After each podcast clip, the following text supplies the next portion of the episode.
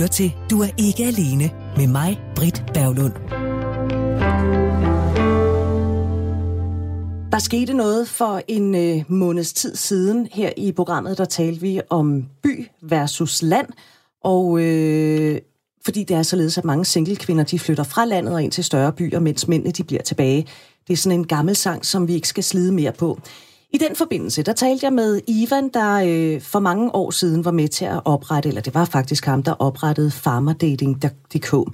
Øh, og der sagde jeg blandt andet til Ivan, eller jeg spurgte ham, hvordan det var lykkedes ham at få de her landmænd med på farmerdating.dk, fordi hvis man, så gav jeg ham en historie ud fra den virkelige øh, singleverden, at hvis man er kvinde, og man deltager i et single arrangement, så er det egentlig bedst at være til kvinder, fordi der kommer ikke super mange mænd. Øh, og det, det udløste indtil flere sms'er, fordi at det er noget med, at vi kvinder vi simpelthen stiller for mange krav. Blandt sms'erne, der var der en fra Jannik. Jannik, han skrev, God aften, B. Jannik, 50 år og single, boende i eget hus med have i nærheden af København. Jeg vil da gerne fortælle, hvorfor jeg ikke gider single arrangementer. Jeg er simpelthen træt af den kultur, der er opstået i singleforer på sociale medier. Min oplevelse er, at fokus er rettet mod kvinders ønsker, kvinders behov, kvinders syn på verden, kvinders måde at kommunikere på. Jeg voksede op i 80'erne med et såkaldt blødt mandeideal, og jeg har i mine 30 voksne år oplevet, hvordan feminismen har krævet hjem i det uendelige. Jeg er træt af at høre på det. Lad bare de single kvinder hygge sig med deres veninder. Det siges, at mændene må komme ind i kampen. Tillad mig at spørge, hvilken kamp? For mig at se, er det kvindekampen. Det gavner ikke mig at deltage der. Har nogen været nysgerrig på, hvad jeg kunne ønske mig? Jeg oplever sjældent nysgerrighed fra kvinders side. Oftere hører jeg om krav og forventninger. Det var det, der stod i den sms. Det var noget af en hård sms, som blev fuldt op med en endnu længere mail. Her i studiet, der er Jannik Mantorv, som skrev den sms. Vil du ikke være sød at uddybe din, din sms, Jannik? Og velkommen til. Tak for det. Er du sød at uddybe din sms? Og oh, der ligger mange aspekter i den sms. Men jeg tror, det der er det vigtige, eller det der er essensen i det, det var den her provokation, vil jeg kalde det. Hvorfor er der kun kvinder til de her single arrangementer? Og svaret er, jeg gider ikke at komme, hvad skal jeg komme derfra? Jeg har set og hørt og deltaget i sociale medier, og jeg har, jeg har ikke været til særlig mange arrangementer, det må jeg, det må jeg jo indrømme. Men øh, jeg er jo bekendt med, hvad det er for mennesker, der kommer der, i forhold til de forer, man kan melde sig ind i og deltage ud fra. Og der vil jeg sige, at den tone og den retorik, jeg har været vidne til, og har forsøgt at gå ind i, jamen der er jo blevet brændt på, på, på hvad hedder det der bål? Hvad skal vi sige? Altså det, det, det, er jo på, det grænser jo til en heksejagt til tider, mm. med hvordan mænd og kvinder taler til hinanden og skyder efter hinanden. Det ser jeg ikke nogen grund til at, at, at gå dybere ind i. Sjælden nysgerrighed, kvindekamp, krav mm. og forventninger, kvinders behov, kvinders syn på verden, Jannik Mantov. Ja.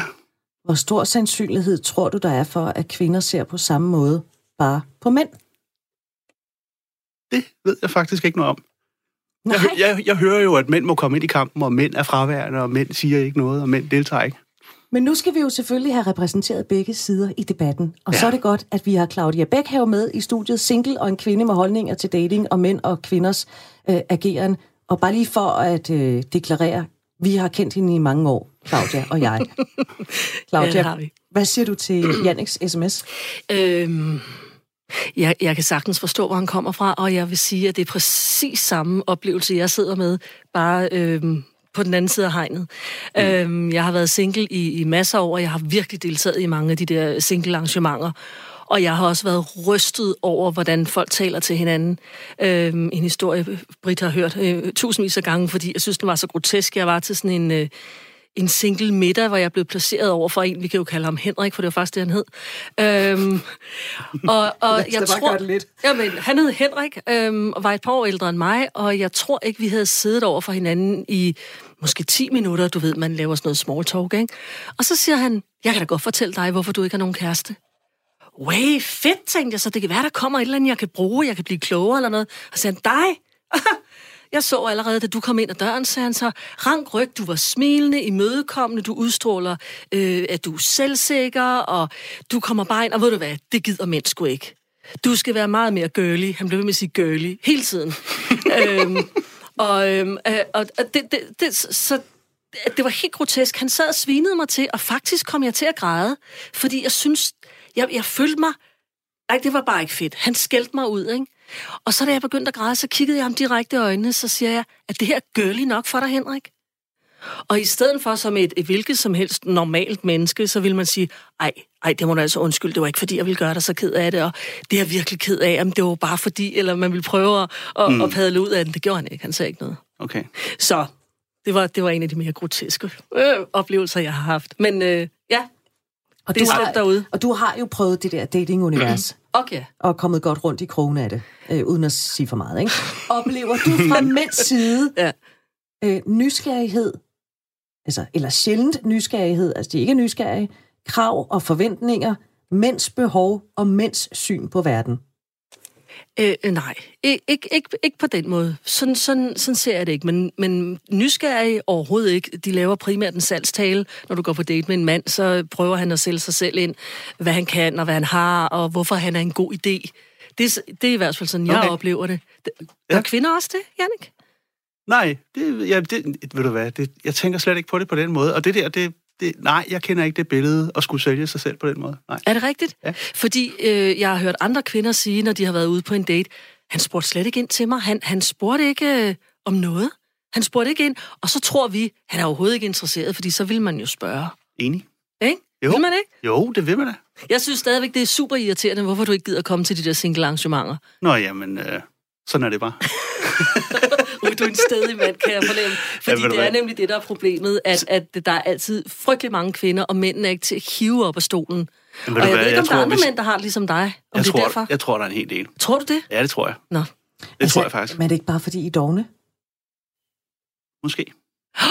Og måske er det fordi, at vi har fået at vide, at vi er nogle træmænd, og vi er kedelige, og alt det andet, vi har fået at vide. Og vi så tænker, nå ja, det er nok rigtigt.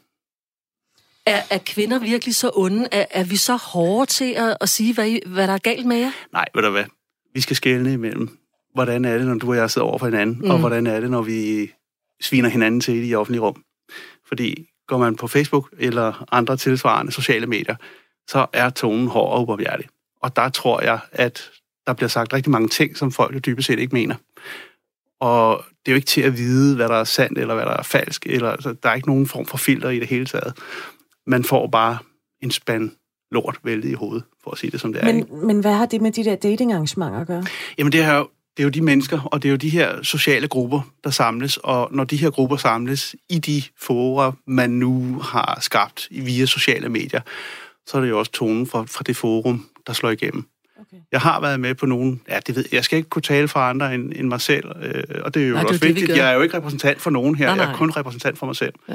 Og, og mine erfaringer baserer sig på de, altså, de enkelte arrangementer, jeg har været med til. Det er måske mere, ikke knap så mange fester, men, men mere noget med at mødes og gøre et eller andet, gå en tur, øh, forskellige andre aktiviteter, der lige har faldt mig ind i, i den tid, jeg nu har været aktiv via den ene eller den anden gruppe. Mm.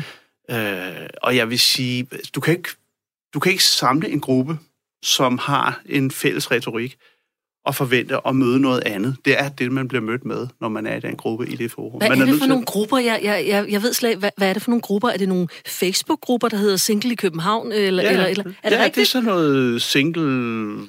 Hvad var det, jeg var med, med, med? Single 45 plus og single 40 plus, og jeg ved ikke, hvad de hedder alle sammen. Okay. Det er også ligegyldigt, men jeg har prøvet et par stykker, sådan, du ved, jeg var træt af datingprofiler, og jeg var træt af, jeg har også været igennem datinguniverset en del Mm. år. Startede med dating.dk, og, og datede rimelig vildt, øh, vildt igennem i 30 års, al, i 30 år tid. Ja. Øh, så vil jeg sige, 40 år tid, der var lysten aftaget, Ja. og, og det har været noget mere begrænset, hvor meget jeg gad. Mm. Og på et tidspunkt fik jeg lyst til at prøve noget andet, og så blev det til nogle Facebook-grupper, de her singleforer. Og lad mig bare sige, at jeg har da mødt nogle mennesker, jeg har da været nysgerrig, men jeg blev også ret hurtigt træt af det. Og har egentlig bare øh, besluttet mig for, at det er meget sjovt at lave noget andet. Mm. Men, men, men hvad med sådan noget øh, speed dating og running dinner og hvad der ellers er? Sådan nogle, så, du, det, lyder, det lyder useriøst. nej, nej, nej, nej, nej. Det, det, skal, det, skal, det skal man alvorligt nok. Det, er- det er super hyggeligt, men det er der, vi altid, ma- vi altid mangler med. det er der, du jeg. kommer. Nej, jeg har, været, jeg har været med til det en del gange. Og, og hver gang, når man prøver at melde sig til, så står der altid, øh, der er fully booked for kvinder, men der er masser af plads til mænd. Fordi mm. mændene er simpelthen ikke til at hive med til de her arrangementer. Og, og der er jo ingen af os, vi har jo ikke været i et eller andet forum, så, hvor vi har svinet hinanden til, for ingen af os kender hinanden. Og så, så, så mødes man der. Og folk går ind i det med, med et åbent sind, og øhm, øh, jeg, jeg synes, det er enormt positivt. Okay. Det skal du ikke være bange Det for. Folk er søde. Ved du hvad, det, jeg er Men slet jeg tror ikke ikke, du er bange. bange. Nej, det ved jeg godt. Det fornemmer jeg heller ikke på dig. Og jeg vil også sige, jeg har da også været til nogle af de her, hvad de hedder, nogle af de dansefester, der er rundt omkring Københavnsområdet, hvor, Se, det er noget, jeg ikke kender til. En dansefest? ja, men der er danse, hvad skal vi sige, øh, ja, nu kan jeg ikke huske, hvad de hedder, Nej. men fester inde i byen, Okay. hvor det handler om, at man kommer tidligt, og man kommer for at danse. Musikken er der for, at man kan danse, og folk har skiftetøj med, fordi de danser også videre. Okay. Og så skal de have noget at skifte til, når de skal hjem. Nå. Og så går man forholdsvis tidligt, og der er ikke nogen, der har drukket sig i hegnet. Okay. Og sådan et koncept har jeg da også prøvet at være med til et par gange, og tænkt, ah, okay, man mødes og øh, tager til de her fester, to, tre, fire stykker ad gangen, møder dem, man kender, og øh, er i de der grupper blandt dem, man kender, og så siger jeg, okay, det gider jeg heller ikke. Nej, men det er jo lige præcis Du her. skal jo møde nogen, du ikke kender. Ja, lige præcis. Det er jo netop det. Og det er jo lige præcis det, der for eksempel er sjovt ved running dinner, fordi der, der kommer du ud og spiser, du kommer hjem i folks hjem og spiser en forret det ene sted, en middag et andet sted, og så en dessert det tredje sted. Og så til sidst så mødes alle dem, der har været til middag rundt omkring, til en stor fest. Jamen, ved du hvad, jeg tror slet ikke, jeg skal derud for tiden. Nå, det ved du ikke. Jamen, jeg er slet ikke interesseret i det for tiden. Okay. Det er så Okay. enkelt. Nå, det er fair nok. Vi skal jo tale sammen til klokken er 22. Og, og nu kommer jeg til at stille jer begge to et spørgsmål. Jannik, jeg starter over hos dig. Ja. Og nu spørger jeg bare direkte. Ja. Hvorfor er du single? Det er et stort spørgsmål. Det er også svært at svare på. Der er mange grunde, og jeg tror, en af grundene, det er måske også, hvad jeg selv synes, jeg har lyst til. Og lige i øjeblikket har jeg måske i virkeligheden en selvvalgt single-status. Okay. Det, det er noteret. Claudia, du får samme spørgsmål. jeg vidste det. Øhm, det er Nå, men spørgsmål- prøv at høre. Ja, ja. Vi kvinder vil gerne have ligestilling. Ja, ja. Hvorfor ja, ja. er du single? Ja, ja. Øhm, ja, det, det spørgsmål har jeg fået rigtig mange gange. Øhm, et af mine sædvanlige svar plejer at være, at... Øhm, ja, det plejer at være, at, at der er nok ikke særlig mange mænd, der er til den type, jeg er. Og de mænd, der er til den type, som jeg er, de har allerede sådan en som mig. Fordi vi, vi er mange kvinder, som, som øh, kan selv. Øh, og jeg ved godt, øh, vi bliver altid øh, selvstændig kvinde. Jeg synes, det lyder så åndssvagt, fordi hvad, hvad skulle man ellers være? Men altså, øh, dem er vi mange af, der kan selv, og øh, selv formår at stå op og tage tøj på hver morgen og betale ens husleje, og, øh, og skal der bankes nogle søm i væggen, så ringer jeg, vi efter handymanden øh, Patrick, hvis ikke vi gør det selv, ikke? Mm. Øh, nej, hvorfor er jeg single? Nu fik jeg rodet mod en tangent. Øh, det er nok en kombination af begge dele, at jeg er ikke særlig mange mænds type. og så, øh, så har det sikkert også noget med mig at gøre. Altså selvvalgt. Har I givet op? Nej. Nå, nej, nej. Det f- spørgsmål fik Fedt, jeg i sidste mand. uge. Nej, for fanden. Fedt. Øh, Giver der ikke op? Nå, men så prøv at høre, det er jeg så glad, fordi altså, så er der faktisk en chance for, at I bliver den næste. I hvert fald halvanden time, fordi så er der masser at tale om. Nå, men, Jo, jo, vi skal, jeg skal nok blive. jamen, hvis nu jeg havde givet op, så var der ingen grund til, at I var her. Nej, det er jeg rigtig glad for. Prøv at høre, sidder du og lytter til det her, har du en kommentar, så ring til Andreas 72 30 44 44, 72 30 44 44, eller også så sender du en sms, det gør du til øh, 1424. Husk at skrive R4 som det første. Lav det berømte mellemrum, skriv din beskeder altså til 1424. Vi er kun lige begyndt, Claudia, du skal ikke sige noget nu, med at tale om krav, forventninger, mænd og kvinder og kurtisering, for det skal vi altså tale om frem til klokken 22. Lad os lige lægge ud med sådan lidt øh, la-la kurtisering, nytårskur, lad os kalde det det. Jannik, mentor, er du sådan en mand, der er god til at gøre kur til en dame?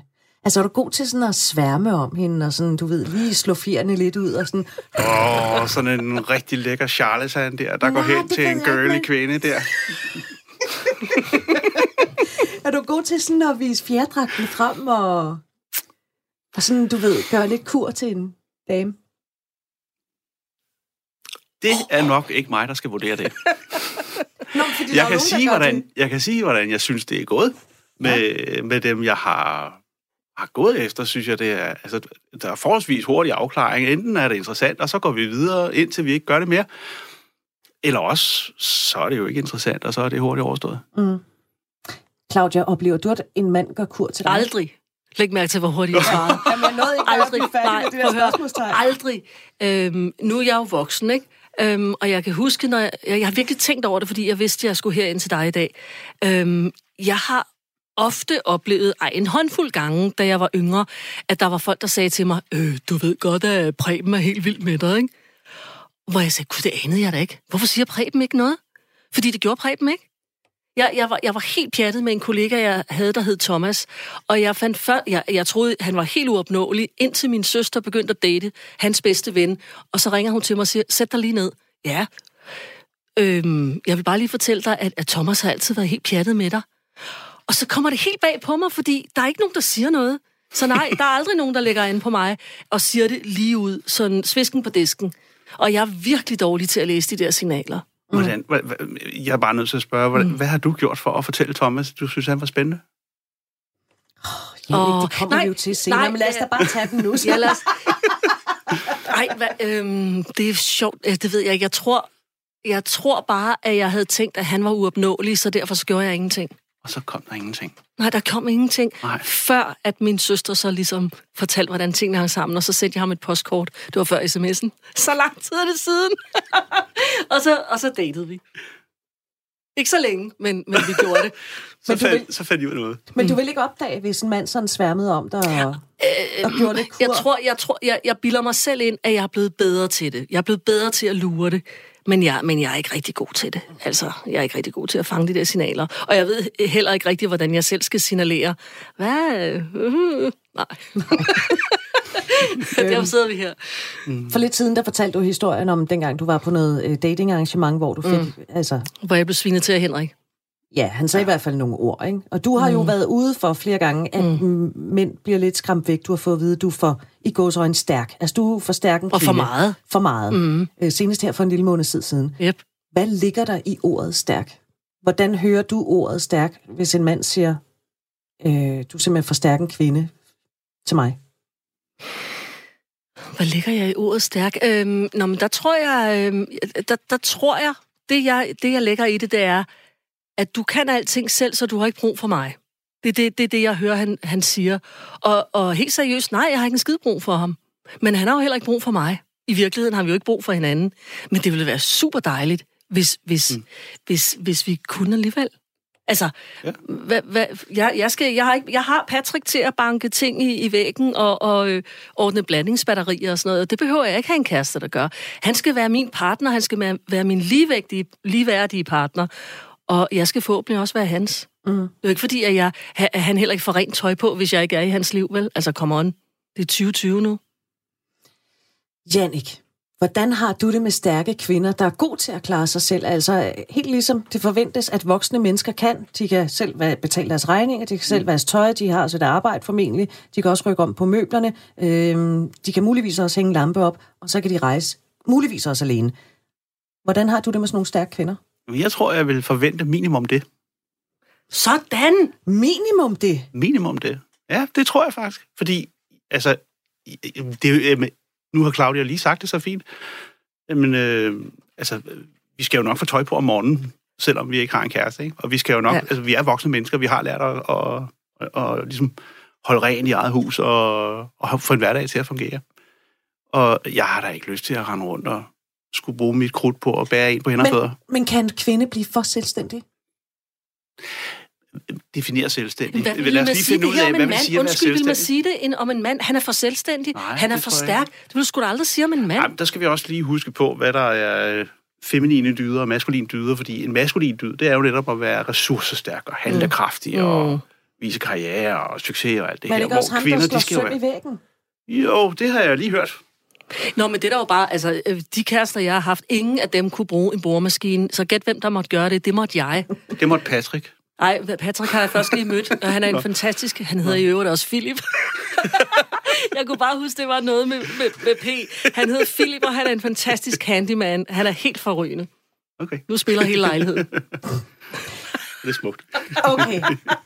Jeg kom ikke så langt med det Nej, der med selvstændige kvinder, kan Nå, man. ja. Men Claudia, hvis du mm. nu kunne bestemme, hvordan ja. en mand skulle opføre sig for at fange din interesse. Hvis du nu, hvis du helt egenhændigt kunne bestemme, hvordan han skulle, hvad, hvad skulle han gøre? Hvordan skulle en mand være? Han skal da være sjov. Altså, det tror jeg, de fleste kvinder siger, det er sådan en kliché. Men, men, øh, men mænd, der kan få en til at grine, så er det nærmest halvt inden, som man siger, ikke?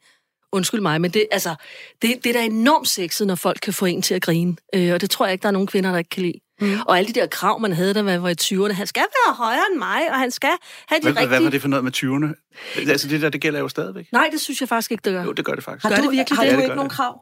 Jo, jeg har krav, men jeg Nå. synes ikke, de er lige så åndssvage, som de var, dengang jeg var i 20'erne. Jeg har engang øh, afvist en mand, fordi han havde en lyseblå dynejakke på, jeg synes var pissegrim. Så derfor så afviste jeg ham. Og det vil jeg da aldrig gøre nu. Jeg vil da heller ikke afvise en mand, fordi han var mindre end mig. Nej, det vil jeg ikke, fordi at jeg, jeg brød mig ikke om, når folk prøver at, at trække sådan noget ned over hovedet på hinanden. Hvis han spurgte mig, hvad synes du egentlig om min lyseblå dynejakke, så ville jeg sige, altså, jeg er altså ikke så vild med. Øhm, men ellers synes jeg ikke, man skal forsøge at lave hinanden om. Men nej, jeg synes, at, at de fleste, det kan man også se, når man ser nogle af de der skodprogrammer, Paradise Hotel og sådan noget, hvor urimelige de er. Ja, hun har for store fødder, hende kan jeg ikke date. Altså, det er jo fuldstændig latterlige krav, de har.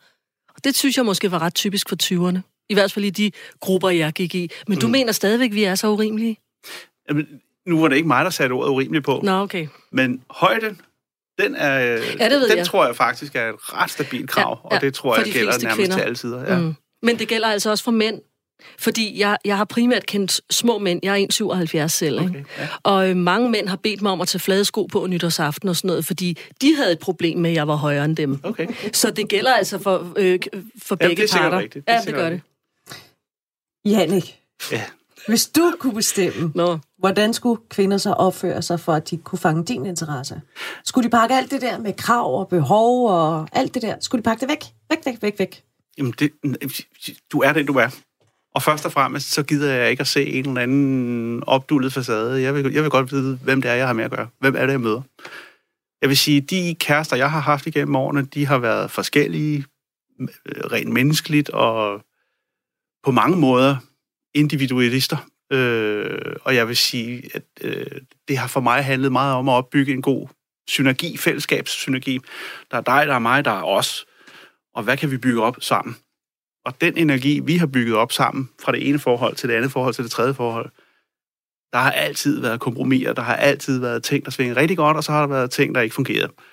Og på den måde tror jeg, det vil, det vil være nærmest uanset hvem. Det, der er vigtigt for mig, det er at bygge en god energi op sammen. Mm. Men kvinders behov, det er, jo, det er jo noget af det, du synes, det handler om ude i datingverdenen.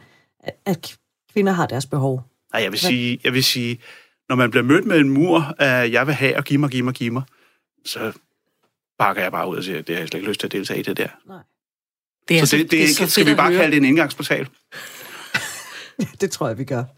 Hvor er jeg glad for, at, at, at kvinder er lige så urimelige, som, som mændene er. Det skal Øh, du ikke være glad for, fordi Nå, men- det, det laver jo en bred barriere. Jamen, det ved jeg godt, men, men, men, men jeg gider ikke være sådan en af dem, der sidder og siger, at, at, at mændene er dumme ude på øh, i de forskellige datingforer. Det gider jeg ikke at sige. Det har vi også hørt. Det kommer der ikke noget godt ud Nej, det kommer der ikke. Men, men så er jeg glad for at sige, at mennesker er måske bare anstrengende øh, i, i datingøje med. Jamen, jeg tror, jeg tror, at altså, vi skal huske på, at vi lever i en tid, mm. som, og, og, og tidsånden, den sætter altså et præg på den stemning, vi, vi, vi, vi, vi præsenterer os selv med. Ikke? Og, og Britt, du har jo præsenteret dig selv mere end en gang og sagt, jeg er jo kvinde, så derfor. Har jeg sagt det? Ja, det har, Hvornår har jeg sagt det? det har du blandt andet sagt, da vi talte i telefon sammen. Øhm, Dun, Jamen, det er muligt. og, Altså, og, jeg hører det og- også en gang imellem, tror jeg. Jeg, når- jeg har hørt mere end en af dine udsendelser, og, og, og du har hører det. fuldstændig ret, fordi jeg er jo kvinde. Ja. Og nogle gange så er jeg jo nødt til at sige, at jeg er kvinde, for at man forstår det, jeg nu skal Ja. sige. Og så siger jeg, og nogle gange bruger jeg det jo også, hvor jeg siger, jeg er jo kvinde, så derfor så har jeg jo patent på at være en idiot. Altså, jeg har jo patent på at drage nogle konklusioner, nogle forkerte konklusioner ud af det, du siger som mand, fordi det er sådan, vi kvinder nogle gange er. Ja, så drager du lige ja. nogle fordele der og høster en, øh, Præcis. en gevinst. Ja.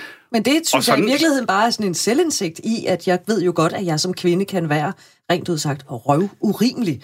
Og når du siger noget ja. Ja. til mig, så kan jeg øh, så kan jeg godt høre, hvad du siger, men jeg synes, det er sjovt at lave min egen version af, hvad det er, du siger. Forstår du, hvad jeg mener? Ja, Og så er det godt at så sige, hey, jeg er kvinde, det er derfor, jeg lige bygger min egen historie op om, ja. Ja. hvad du lige har sagt til mig. Eller, som jeg hørte i telefonen, jeg er kvinde, så det er mig, der bestemmer. Ja, for eksempel. Det er jo også, det, det er jo også Jeg noget, ved som... godt, der kan være noget karikatur i det. Men det, der, Jamen, be- det, der var jamen, pointen, bestemt. det, synes jeg, det, det, jeg synes, der er det interessante, det er den her sondering imellem. Her kommer jeg som individ, mm. eller jeg er kvinde, og derfor så er der, nu sætter jeg lige en ramme. Det her, det, det er det, der gælder. Men grunden til, at jeg bruger, eller jeg for eksempel siger, jeg er kvinde, og derfor, mm. det er jo i virkeligheden en form for selvivni, fordi jeg Ja. ved jo godt, hvordan kvinder kan være. Jeg bruger det Ja. ja. ikke som, derfor må jeg gerne. Det, Jeg- jeg siger- det, var, det var et eksemplificering fra min side. Jeg skyder ikke på nogen. Nej, nej, nej, jeg prøver bare sådan at forklare, hvorfor jeg nogle gange siger, jeg er kvinde, og derfor så har jeg lige nu ret til at være mega urimelig. Ja. Fordi sådan er det bare. Nå, prøv at høre, venner. Øhm, alt det her med at fange interesser og kurtisering, og man skal sværme om hinanden og sådan noget. Spørgsmålet er, om det er sådan en forestilling om et levn fra gamle dage. Fordi det er jo et, og det siger jeg som kvinde, Åh, Britt, lad være. Vi får ikke andet ballade med Jannik resten af aftenen. det er jo et ufravigeligt faktum, at alt var bedre i gamle dage. Mm. Se bare på de mange hvide jule, vi har haft igennem historien. Ja, ni. Så prøv at høre, det vi lige gør, det er, at vi tager et hovedspring ned i historiebøgerne. Jeg har nemlig talt med en historiker, han hedder Asser Amdisen, og jeg har talt med ham, fordi jeg vil tale med ham om, at han må være en mand, der ved noget om kurtisering igennem historien. Så det har jeg talt med ham om, og jeg startede med at spørge Asser, om kurtisering altid har været moderne. Ja, jeg synes jo i og for sig, at det har været moderne øh, hele vejen øh, op igennem, øh, i hvert fald fra middelalderen eller sådan et eller andet. Ikke? Øh, man kan sige, at, at der hvor den moderne kodisering, der hvor man får den forestilling om det, det kommer i sådan en, en middelalderlig ridderromaner, hvor man skaber et ridderideal omkring det der med, hvor, hvor du har den stærke maskuline ridder, som går ud og erobrer jomfruer rundt omkring. Og det er jo klart, at, at nogle gange, så, så, så, så tager man jo bare jomfruen, men, men ofte skulle, øh, øh, skal hun helst overbevises og tages med ind i det der, forføres ind, så hun faktisk går med øh, frivilligt. Det er, det, er den, det er den store tvivl. For den måde at tænke på, den ligger i middelalderen, men det er selvfølgelig klart, det her, det er på det her tidspunkt ikke sammenhængende med ægteskab. Det skal man være klar over. Det her har ingenting at gøre med, hvem man bliver gift med. Fordi i Europa og de fleste andre steder øvrigt også, der har ægteskabet været noget, man arrangeret. Det er noget, forældrene klarer. Det er familier, der bliver knyttet sammen af Altså, øh, Vi synes, det er smart, at du bliver gift med den og den. Ja, ja, fordi så kan vi låne nogle penge til det og det projekt, eller også et eller andet. Altså, så, så kvinders seksualitet var dybest set en handelsvare. Jo, sådan set også mænds, fordi de formodes jo faktisk også at levere i, øh, i processen der, ikke? Men, men det er klart, at, at, man har så samtidig, fordi at det har været meget afgørende, det med blodet, altså med familieskabet. Og der kan man sige, at selvom at far han går ud og får børn med 47 mennesker ved siden af, så ændrer det jo ikke på, at de børn, der bliver født i ægteskabet, faktisk er øh, farens børn. Så længe at mor faktisk nogenlunde i, i alt væsentligt begrænser sin seksuelle udskårelse til den, hun er gift med.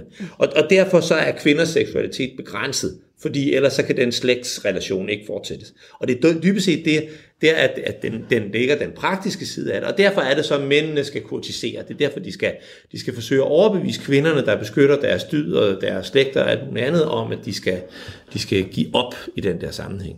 Så det- afmagt, ikke? Så når jeg tænker på kurtisering, det er lige med romantik.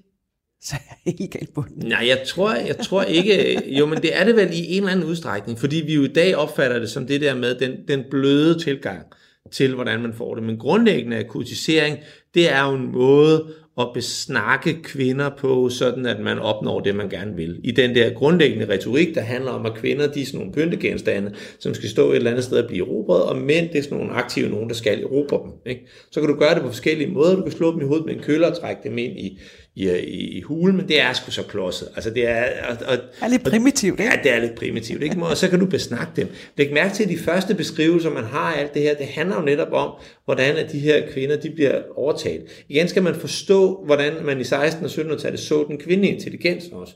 Man, kunne, øh, man, man, man, man, man forstår den kvindelige natur på den måde, at den sådan set kan fungere godt nok i vakuum. Men i det øjeblik, at der er en mand i nærheden, så ophører den her kvindelige intelligens med at fungere. Det er sådan, man ser på det. Det kan du for eksempel se ved alle de her, øh, øh, den måde, man kigger lovgivningsmæssigt i forhold til for eksempel, hvis du er en enke. Altså en, en, øh, en, en kvinde kan godt være en juridisk person, der kan have ejendom og alt muligt andet, hvis hun ikke er gift, eller er i en relation med en mand på en anden måde, altså en datter og en far. Så hvis ikke der er en mand i nærheden, så kan hun godt virke. Men hvis der er en mand, så ophører kvinden badang, fuldstændig med at, at eksistere som intelligensvæsen, og så bliver hun bare tilbehør til den. Så hun ikke så noget er hun sagt. erobret.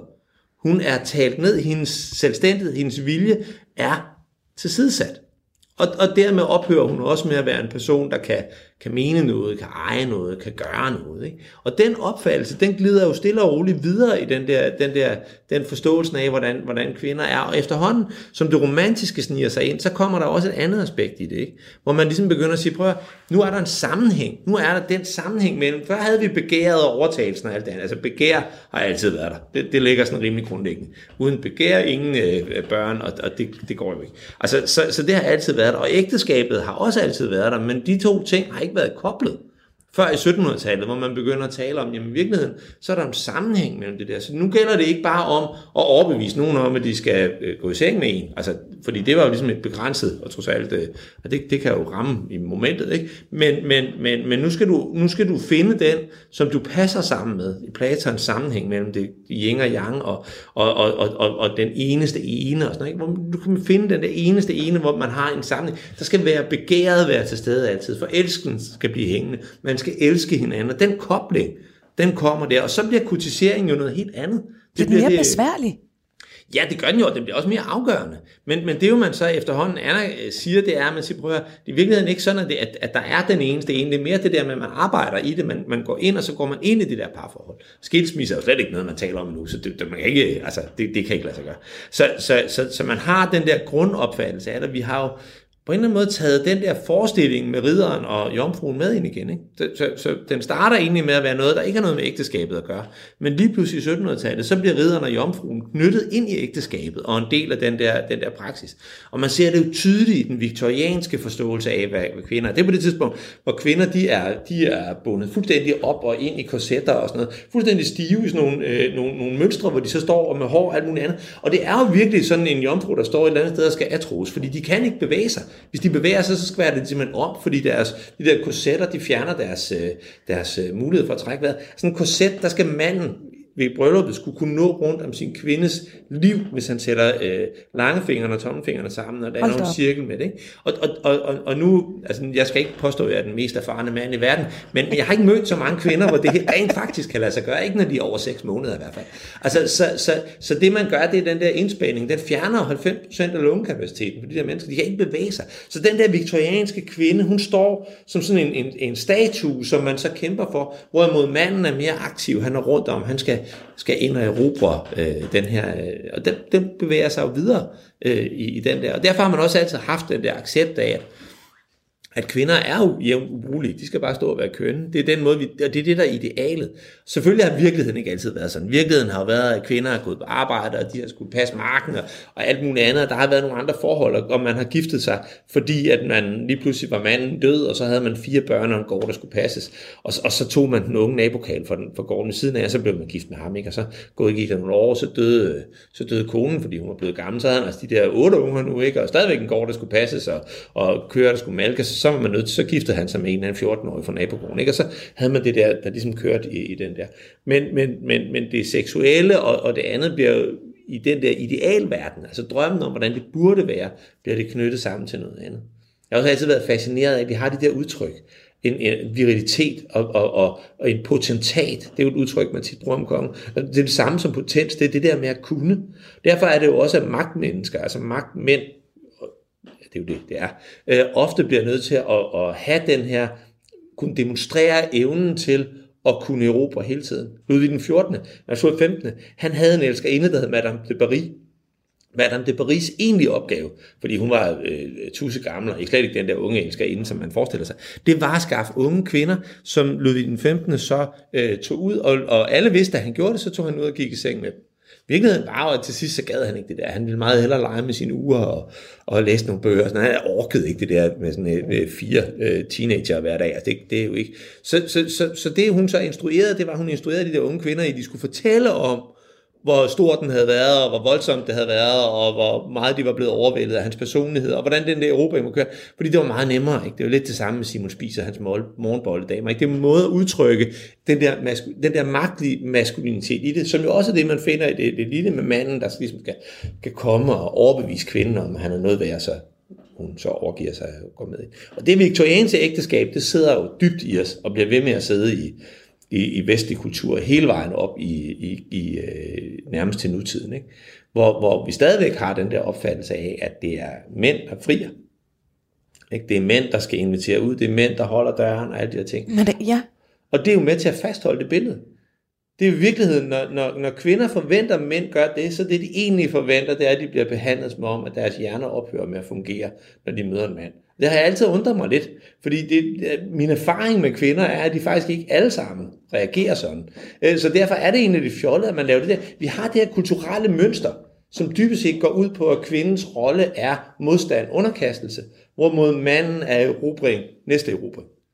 Og det mønster, det er det, som man så tror. Det er det, man ønsker at få tilbage igen, når man, når man drømmer om de gode gamle dage, hvor man kurtiserede og alt muligt andet. Jeg tror, vi er nødt til at gøre op med kurtiseringen, hvis vi går ud og skal nogen vejen i det her. Siger du, at man som kvinde, altså hvis man er interesseret i mænd, så skal man rent faktisk være glad for, hvis man møder en mand med døde hænder, der ikke kan finde ud af at invitere en ud, eller holde døren, eller hvad det Man end kunne måske være. tage sig sammen og invitere ham ud.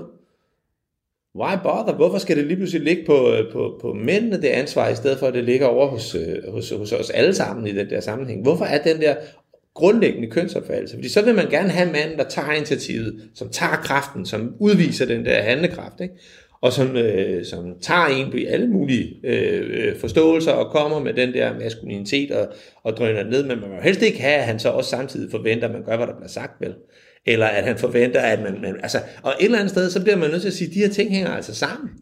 Så, så, så når man giver sine børn øreringen, når de er 9 år gamle, så det man gør, det er, at man opdrager dem til, det, det er din rolle i verden, det er, at du skal være markedet ud af alt noget upraktisk, så du ikke kan gøre noget praktisk. Det er en rituel lemlæstelse, som gør, vi, vi bruger over for vores børn, for at sikre, at de bliver i den kvinderolle, som det er troet og underdanig. Den, der skal erobres, den, der ikke selv tager, til, tager initiativ.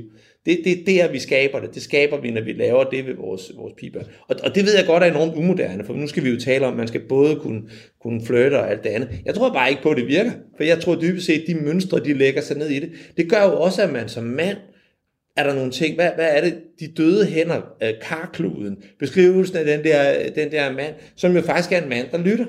Ikke? Det- De døde hænder, det der med ikke at tage initiativ. Og, og virkeligheden er at hvis, hvis du tager initiativ på den klassiske måde, ikke? Altså måden man initierer kontakt, det er dybest set ved at klappe damen i røven. Det er ikke specielt populært mere, vel? Altså faktisk kan der være nogle ret store konsekvenser af det. Ikke? Men det er jo grundlæggende adfærd, som er den der den traditionelle. Nu tager jeg bogstaveligt talt øh, sagen i egen hånd øh, i den her, øh, den her situation. Og, og, og det giver jo nogle konflikter. Fordi, jeg at forestiller man, mig da også, der er sådan en blød mellemvej. Altså, man måske ikke lige frem behøver at klappe nogen bag i, men Jamen nu er du også kvinde, så du er privilegeret ikke at skulle navigere i den bløde mellem, med, mellemvej. Ikke? Fordi det er jo det, der er pisse vanskeligt, det er at finde ud af, hvor er man henne det der. Ikke? Og, og, og det er der tydeligvis nogen, der ikke kan finde ud af. Der er også nogen, der går den helt anden vej og siger, "Nå, vi dog, jeg holder fingrene for mig selv og lad, lad det der være. Men, men, men kernen i det er, at i virkeligheden burde vi måske bryde helt ud af den der rolle. Altså vi burde tænke den helt anderledes. Men det er bare utrolig svært, fordi det her er jo ikke noget, som er defineret. Altså vores seksualitet, hvad vi bliver tiltrukket af, hvad det er, der tænder, hvad det er for nogle. Det er jo ikke noget, det er jo ikke, det er jo ikke en bevidst reaktion. Det er noget, som er blevet banket ind i os, fra vi er bittesmå. Altså når, når, da mine børn var, var, var altså det er altså i, i 90'erne, vi taler om, der fik man stadigvæk at vide, når man skulle have navneattesten, så fik man en blå og en lyserød.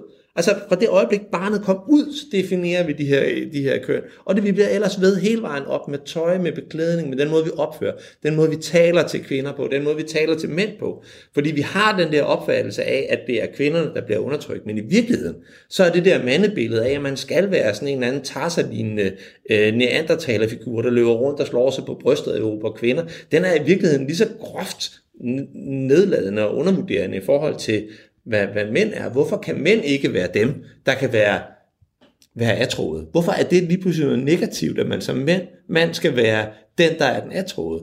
Det er igen, det, det er en ansvarsfralæggelse. Man bliver sgu nødt til at, at sige, at vi er nødt til at flytte det billede helt, øh, hvis, vi skal, hvis vi skal nå nogle vejen. Men det er ikke noget, vi gør. Altså, det er ikke noget, vi bestemmer os til. Men, øh, men måske kan vi håbe på, at det ender med at være der en dag. Vi er da nået så langt, som at vi accepterer, at kvinder i dag faktisk er i stand til at tænke og tale. Det er rimelig langt i forhold til, hvor vi var for 300 år siden. Så måske kan vi også nå til det punkt, hvor man som mand ikke behøver at være neandertaler for at være seksuelt atroværdig. hvad er verdenshistoriens største scoring? Det kommer lidt an på, hvad du definerer med scoring. Der, hvor det mest usandsynlige sker, eller, eller mm. øh, hvordan det er.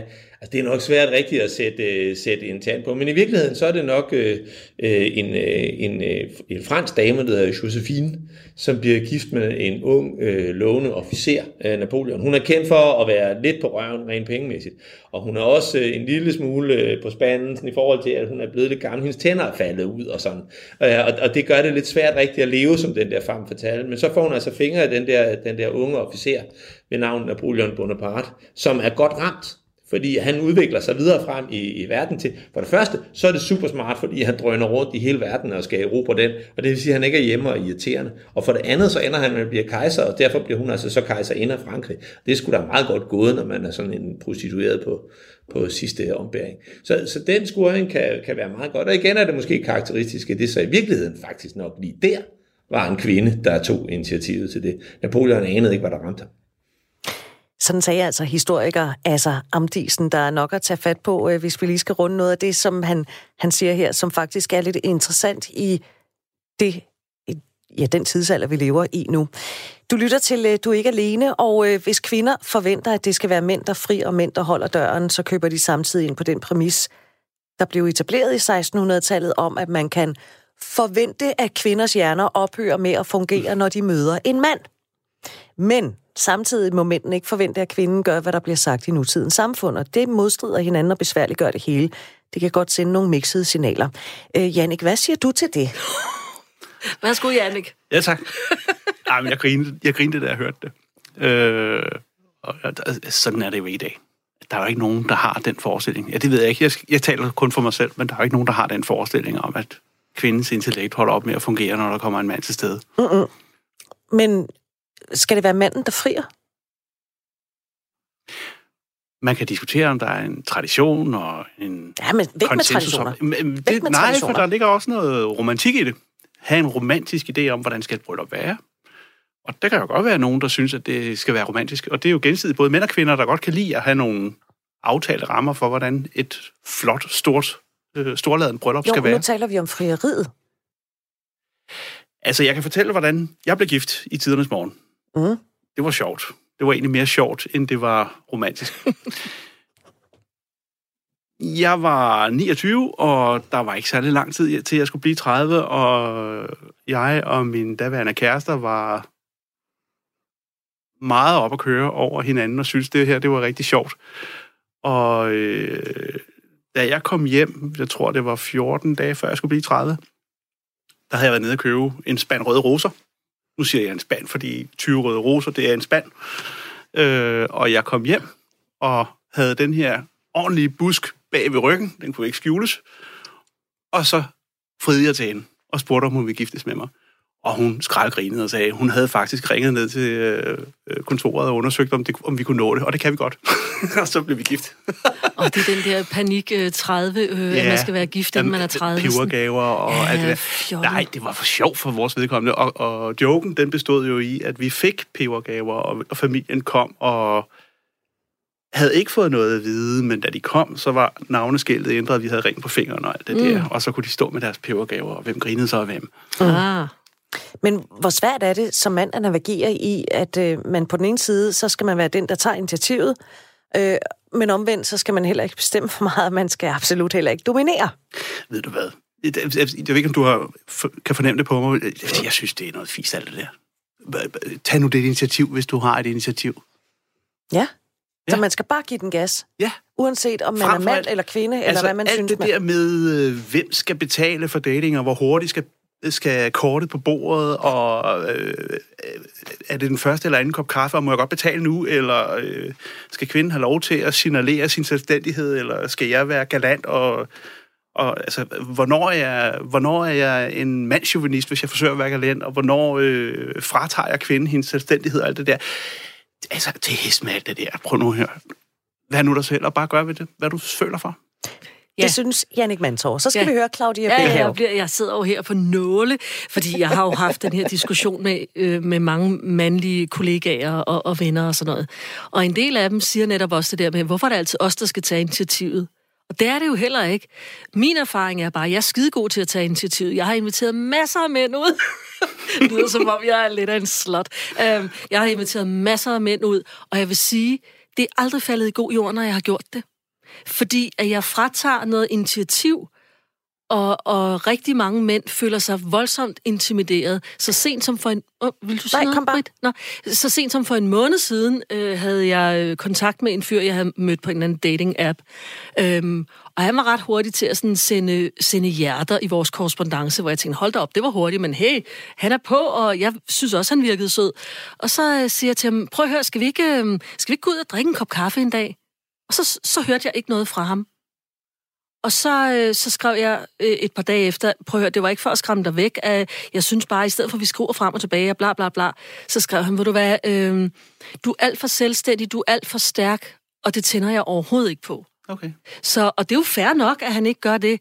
Jeg har bare aldrig fået noget positivt ud af, at det var mig, der tog initiativet. Jeg synes, det Og lyder med- helt absurd, det der. Og med positivt, der, hvad mener du? Nå, ja, undskyld. Ja, øhm, Altså et forhold, eller nej, at der er nogen, der har sagt ja? Der Eller? er aldrig kommet noget, der er aldrig kommet noget konkret ud af nej, det, nej, når du har taget nej, det, det til nej, nej, og, og netop masser af mænd siger nemlig, jamen, I kan da også tage en initiativ, og det er da lige så fedt for en mand at blive begæret, at, at jeg kommer ind og siger, "Ved du, jeg synes, du er helt vildt dejlig, skal vi gå ud og drikke en kop kaffe? Men når jeg så gør det, så går de i panik. Spørgsmålet er, om mændene tror, at det er det, de gerne vil have, og så vil de måske i virkeligheden ikke. Det tror jeg ikke, de vil. Altså, de ikke vil have det? Nej, de vil ikke have det. De, Hvad de, vil mænd så gerne have? Jamen, de vil i Ja, virkeligheden... det, det må du da skulle svare på, Jannik. Jamen, det, jeg, jeg tror jo godt, jeg vil have det der, men øh, det, ved jeg tydeligvis, det ved jeg tydeligvis ikke. Jamen, Jeg ved ikke, om du er som, som mænd er flest, men de mænd, jeg har inviteret ud, der er... Øhm, ja, ja, der er mange, de fleste af dem har sagt nej tak. Og det kan også være, fordi de synes, jeg er helt vildt irriterende, øh, eller noget andet. Men, øhm, Men bliver du ved med det? jeg kan ikke lade være. Fordi, som du spurgte os om før, har, jeg- har I givet op? Og det vil jeg, det vil jeg jo heller ikke... Øh, nej, nej, jeg skulle da ikke givet op. Så derfor, det, for en måned siden, jeg tog initiativet og sagde, men lad os gå ud og drikke. Nej, nej, jeg var alt for selvstændig, og det tændte han ikke på. Altså, jeg vil sige, der har været et par kvinder øh, i min historiebog, som har været initiativtagere og med en, øh, en græn af humor Mm. Har sagt og gjort nogle ting, som ellers bare aldrig var blevet til noget som helst, men som har afstedkommet, at der rent faktisk skete ting, som alene var på baggrund af hendes initiativ. Okay. Er du god til at vise en kvinde, hvis du er interesseret i hende? Det tror jeg, ja, det kan jeg godt sige ja til, fordi jeg tror, at jeg formår godt at, at vise det, så hun forstår det, og så hun ved det, Ja. så hun ikke er i tvivl. Jeg tror, det handler om at være i tvivl. Og Hvis, hvad? Undskyld. at være i tvivl. Ja. Hvis jeg viser interesse, det behøver jo ikke at være, hvor du lækker, jeg skal bare ikke med dig. Det er jo, det er jo ham også Don Johan, som i dybest set ikke gider at se. Øh, måske er der i virkeligheden mere en, gud, hvor er du spændende, dig vil jeg gerne lære at kende. Eller et eller andet. Ja.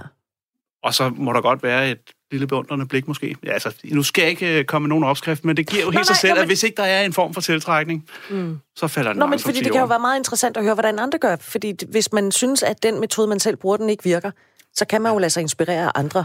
Jeg har ikke Øh. nogen form, skal jeg sige, men, øh, men jeg viser, hvem jeg er, og jeg står ved det. Ja. Og du vil blive ved med at invitere mænd ud på kaffe, Claudia. Det, det vil jeg da i hvert fald, så skal længe jeg da synes, også. at der er interessante mænd. Øhm, og, og jeg vil lige sige nu, det er jo ikke bare, ikke alle sammen i hvert fald, så nogen jeg bare har, har øh, kastet min kærlighed på, men det er, jo, det er jo mænd, der har flyttet eller signaleret interesse til mig, og så har jeg bare ikke været tålmodig nok til at vente på, at de spurgte mig, og det er sådan en af mine kæpheste, ikke?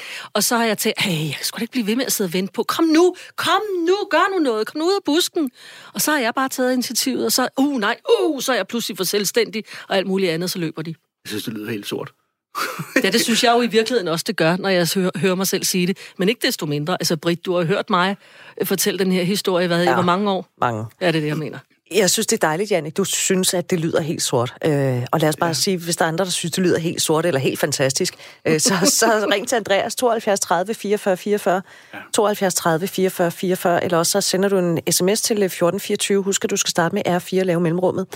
Claus, han skriver, jeg kan høre, der er rigeligt med trængsel i brokkassen. Velkommen til, skriver han. Tak skal du have, Claus. Så skriver han videre, for mit eget vedkommende er der først interesse fra min side, når der er et gensidigt behov for det, kærester har at tilbyde hinanden. Altså nærhed, kærlighedsliv, dybe snakke og hyggelige middage. Og så skriver Claus, er Britt i øvrigt single? Ja, det er hun, det må vi Ja, sige. Claus, det er hun. Det er hun. Hvad hedder det? Øhm, Det er jeg også, Claus.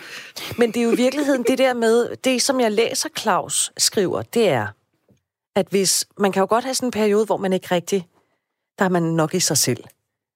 Har du sådan nogle perioder? Nu, du, jeg fornemmer Jeg er lidt, i sådan en periode. Ja, så vil du ikke være til at... Altså, hvis der gik en kvinde og flyttede med dig, så var det ikke sikkert, at du så ville opdage det, fordi du måske ikke rigtig var der.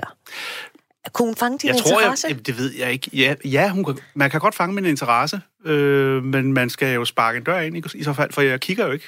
Nej, Jeg leder jo ikke. Nej. Så, så jeg, jeg har ikke mine antenner ude. Jeg er Nej. optaget af mit eget. ja.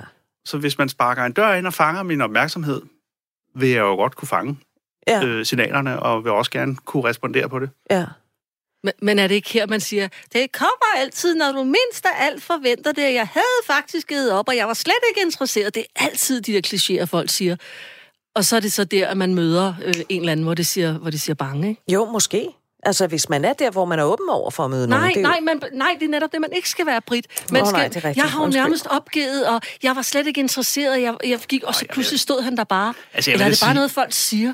Ja, jeg, jeg ved Fordi det er en god historie. Altså, det, det er en god historie. Det er en god historie. Det er en god historie, mm. men jeg vil da sige, øh, nu er jeg jo vokset op i datingtidsalderen, Mm. og jeg har da, altså, jeg har da, hovedparten af mine kærester har jeg da fundet via en eller anden form for dating. Har du det? Ja, det har jeg da. Du har simpelthen revet dem ned fra datinghylderne. Nej, nej, nej, nej, nej. bare- Jeg har bare- også været ude og skulle... nu bare med de horn, Ja, ja, det, det lyder rigtig godt, men sådan ser virkeligheden ikke ud. nej, sådan er det jo ikke. Jeg har jo... øh, Ja, det er jo, jeg tror, det er sådan for de fleste mænd, og for de fleste kvinder, at kvinderne, de byder sig til med et eller andet fint billede, og så står alle handrejerne i kø med tunge ud af bukserne, og kvinder er vant til at få mange tilbud, tror jeg. Og mænd skal på en eller anden måde gøre lidt for at, Nu- at tjene til lidt opmærksomhed. Nu er jeg jo kvinde, og det må jeg gerne sige i den her sammenhæng, Ja. fordi at, at det er faktisk... Altså, jeg har aldrig nogensinde fået masser af tilbud på en datingside. Aldrig. Nå, Aldrig. Altså, som i aldrig. det kan jeg ikke Så det tror jeg er lidt... Hvad- hvad- Ja, tak skal du have. Nej, undskyld, det har jeg altså heller ikke, Janne. At det tror jeg skulle er lidt af en fordom, det der, at kvinderne bare kan vælge sig et tilbud. Det har jeg aldrig oplevet. Jeg tror det faktisk synes ikke, jeg, jeg, kender hører. nogen kvinder, der har, altså som jeg har talt med om det, der har sagt, at jamen, altså, prøv at kigge for min hoved, der står simpelthen i kø. Ja. Øh, det har jeg aldrig prøvet. Nej, nej. Nej, jeg tror, det er lige så svært for kvinder på det der øh, datingmarked, end det er for mænd. Det er måske også bare noget med at bygge et image op, jeg ved det ikke. At de kvinder, der nu udtrykker den her evne til at tiltrække sig. Eller også, så er der, og det kunne jeg måske godt forestille mig, at der på datingmarkedet også er en skarp, skarp polarisering mellem nogen, der virkelig duller sig op og bliver sexet, og får massevis af tilbud. Men Og er så det er så der de nogen, der- tilbud, man vil have? Nej, Nej, det tror jeg ikke på, men øh, det, ved, det skal de selv lige finde ud af jo. Ja. Hvad gør mænd? Øh, altså, jeg ser jo utrolig mange mænd, hvis jeg tager et spil Tinder i ny og næ, og det kan, det kan godt ske, mm. øh, så ser jeg utrolig mange mænd, der enten ligger i deres seng, hvor de, har taget, Halvnøgne. ja, hvor de har taget en selfie, mm, mm. eller de øh, sidder på en cykel i meget stramt øh, sådan noget. Øh, cykeltøj. ja. Mm. Eller... Øh, Har du set ham med de to cherrytomater op i næseborene? Nej. Nej, det... Øh, Men bare lige for at sige, at, at der er simpelthen også så mange useriøse... mærkeligt. Nej, nej, prøv at høre. Der, er- du, nu siger du, der er mange kvinder, der duller sig op, når de ligesom øh, præsenterer sig selv. Med cherrytomater i næsen. Nej, det gør de lige præcis ikke. Rigtig, rigtig mange mænd, der er selvfølgelig nogen, der gør sig umage og står i jakkesætter og alt muligt. Men, men der er sindssygt mange uskarpe billeder, totalt uskarpe. Og ham med de to cherrytomater i næseborene, det var sådan et close-up, taget lidt nedefra, og det var uskarpt, og det var det eneste billede, han havde. Og Okay. der, der, der droppede jeg simpelthen Tinder. Jeg tænkte, det er simpelthen for useriøst. Ved du hvad jeg tænker, når jeg, når, jeg- når jeg hører den historie, du fortæller der? Ja. Kunne det være nogen, der har bygget en profil op med en eller anden speciel intention for det der? Det kan da ikke være for at score noget som helst. Jeg, tror, jeg tror, han tænker, jeg er da enormt frisk, jeg er sjov. Altså, jeg tror i virkeligheden også, det er for at vise den sjove side. det tror jeg. Jamen, det kan da godt være. Men jeg ved det ikke. Hvis det er det eneste billede, Det var det Og det er eneste billede, han uskarpt. havde, og det er uskarpt. så vil jeg sige, så er det måske ikke den bedste strategi. Nej, men dem, dem, dem du vil, du vil øh, blive overrasket. Jeg har siddet og vist mandlige, Okay, jeg tror- bekendte... Jeg øh, tror, vi kan mundre os, og, og der, Ja, det kan hvad vi var det, han hed, den, ham her, der er nok i brokkassen? Jeg Claus. tror- Det er Claus. Claus. Jeg synes, vi skal anerkende hans indslag og sige, jamen, hey, Jamen, vi prøv- prøver lige at vende bøtten, og så finder vi de gode sider. Ja, ja, nå, prøv at høre, vi er fagner helt- alle her i programmet. øh, og øh, Signe Ribergaard, hun står klar til at lave nogle nyheder lige om lidt. Og øh, efter nyhederne, der skal vi kigge på en anden mail, der kom samme aften, som der også kom en mail fra dig, Jannik, fordi det, den er vi også lige nødt til at runde. Den er blevet øh, tilsendt fra, fra Kalundborg. Øh, de der to cherrytomater, de er simpelthen hyldt ud af den. Du kan altid ringe til Andreas, hvis du har kommentarer til det, du hører. 72 30 44 44, 72 30 44 44, eller send en sms til 1424. Husk at starte med R4. Og så er der nyheder. Klokken er